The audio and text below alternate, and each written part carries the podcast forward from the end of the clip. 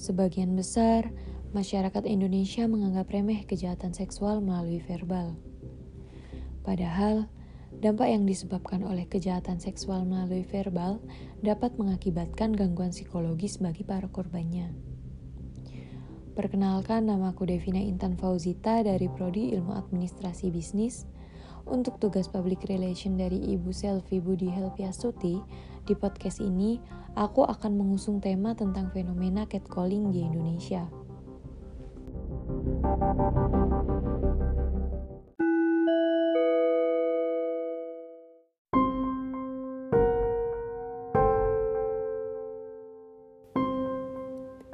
Kalian pernah nggak sih waktu jalan-jalan di luar, tiba-tiba pas di tengah jalan disiulin sama cowok atau cewek?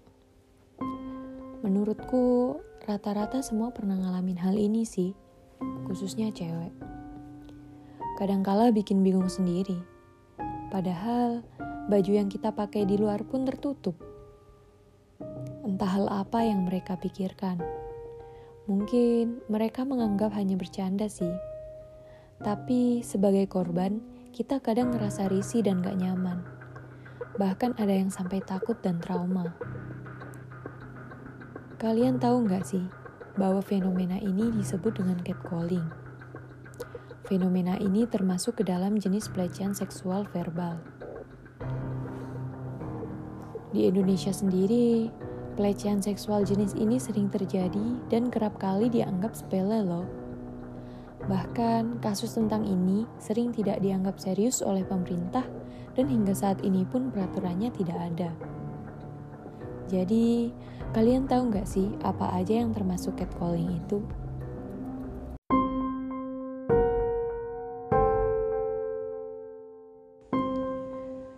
Dilansir dari womentalk.com, menurut hasil survei yang digelar oleh koalisi change.org, Holabek Jakarta, Lentera Sintas Indonesia, Perempuan dan Jakarta Feminist Discussion Group membuktikan sebanyak 62% responden mengalami pelecehan dalam bentuk verbal, termasuk catcalling.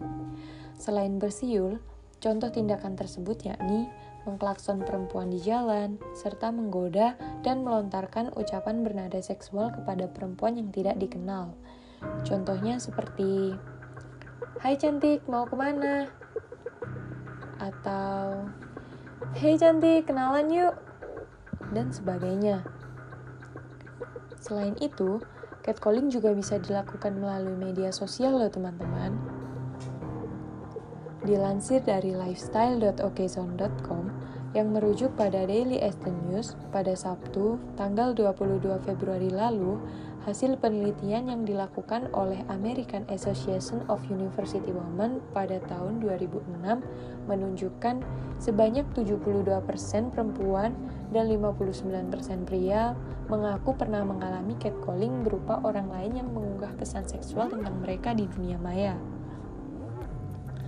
Sementara itu, ahli bahasa Inggris yang merupakan Direktur Woman Studies, Jenny Letlow, mengatakan ketika akun palsu yang berada di media sosial mengunggah hal yang bersifat seksual tentang orang lain, bukan berarti pesan tersebut harus dianggap kurang serius. Hal tersebut bisa saja terus berkembang dengan pesat jika tidak ditindak dengan serius.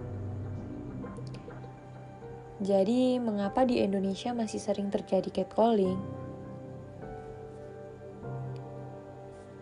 Budaya patriarki atau sistem sosial yang menempatkan laki-laki sebagai pemegang kekuasaan utama dan mendominasi dalam peran kepemimpinan politik, otoritas moral, hak sosial, serta penggunaan properti menempatkan perempuan dalam posisi yang lebih rentan di berbagai aspek, termasuk rentan terhadap kekerasan sistemik, khususnya kekerasan seksual. Budaya patriarki ini umumnya hidup dalam moralitas di berbagai budaya di Indonesia. Budaya ini yang kemudian sering kali menjadi alasan pembenaran atas perilaku catcalling. Di mana dalam praktiknya sering kali ditemukan masyarakat yang melumrahkan budaya ini atau berpikir bahwa catcalling hanya bahan bercanda. Salah satu contoh yang pernah terjadi di Indonesia yaitu kasus dari Baik Nuril yang dikriminalisasi dan dianggap menyebarkan konten pornografi saat ia melaporkan konten pelecehan seksual secara verbal oleh atasannya. Hal ini mencerminkan ketimpangan gender di Indonesia yang cenderung menyalahkan korban pelecehan sebagai dalang dari perilaku yang ia dapatkan.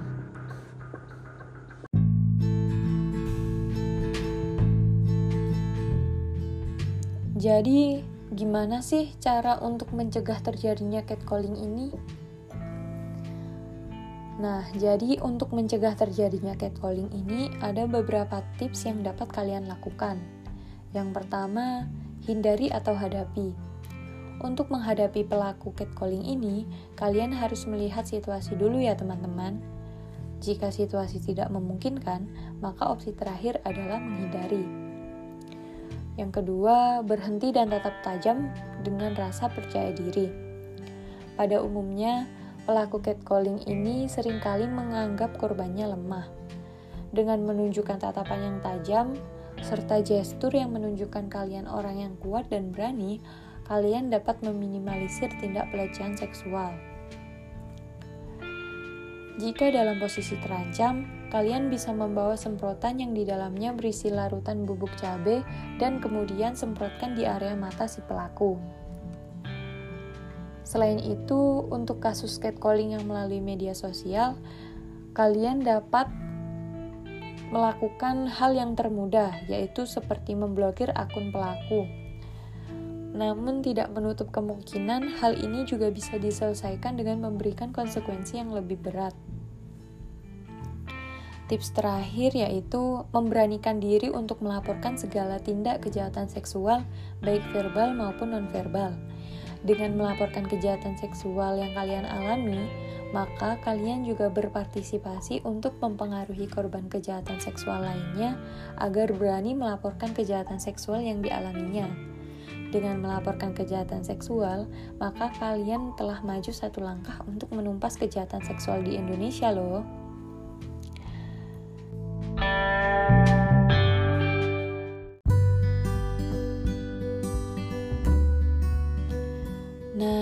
Jadi pesan dari saya adalah kita semua harus senantiasa berhati-hati ya dalam melakukan segala hal, khususnya kaum perempuan.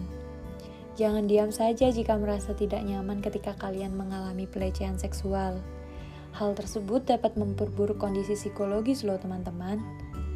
Selain itu, penting untuk setiap individu dapat menempatkan diri sesuai kapasitasnya dalam bersosialisasi dan tentunya tetap menjaga privasi diri ya guys. See you.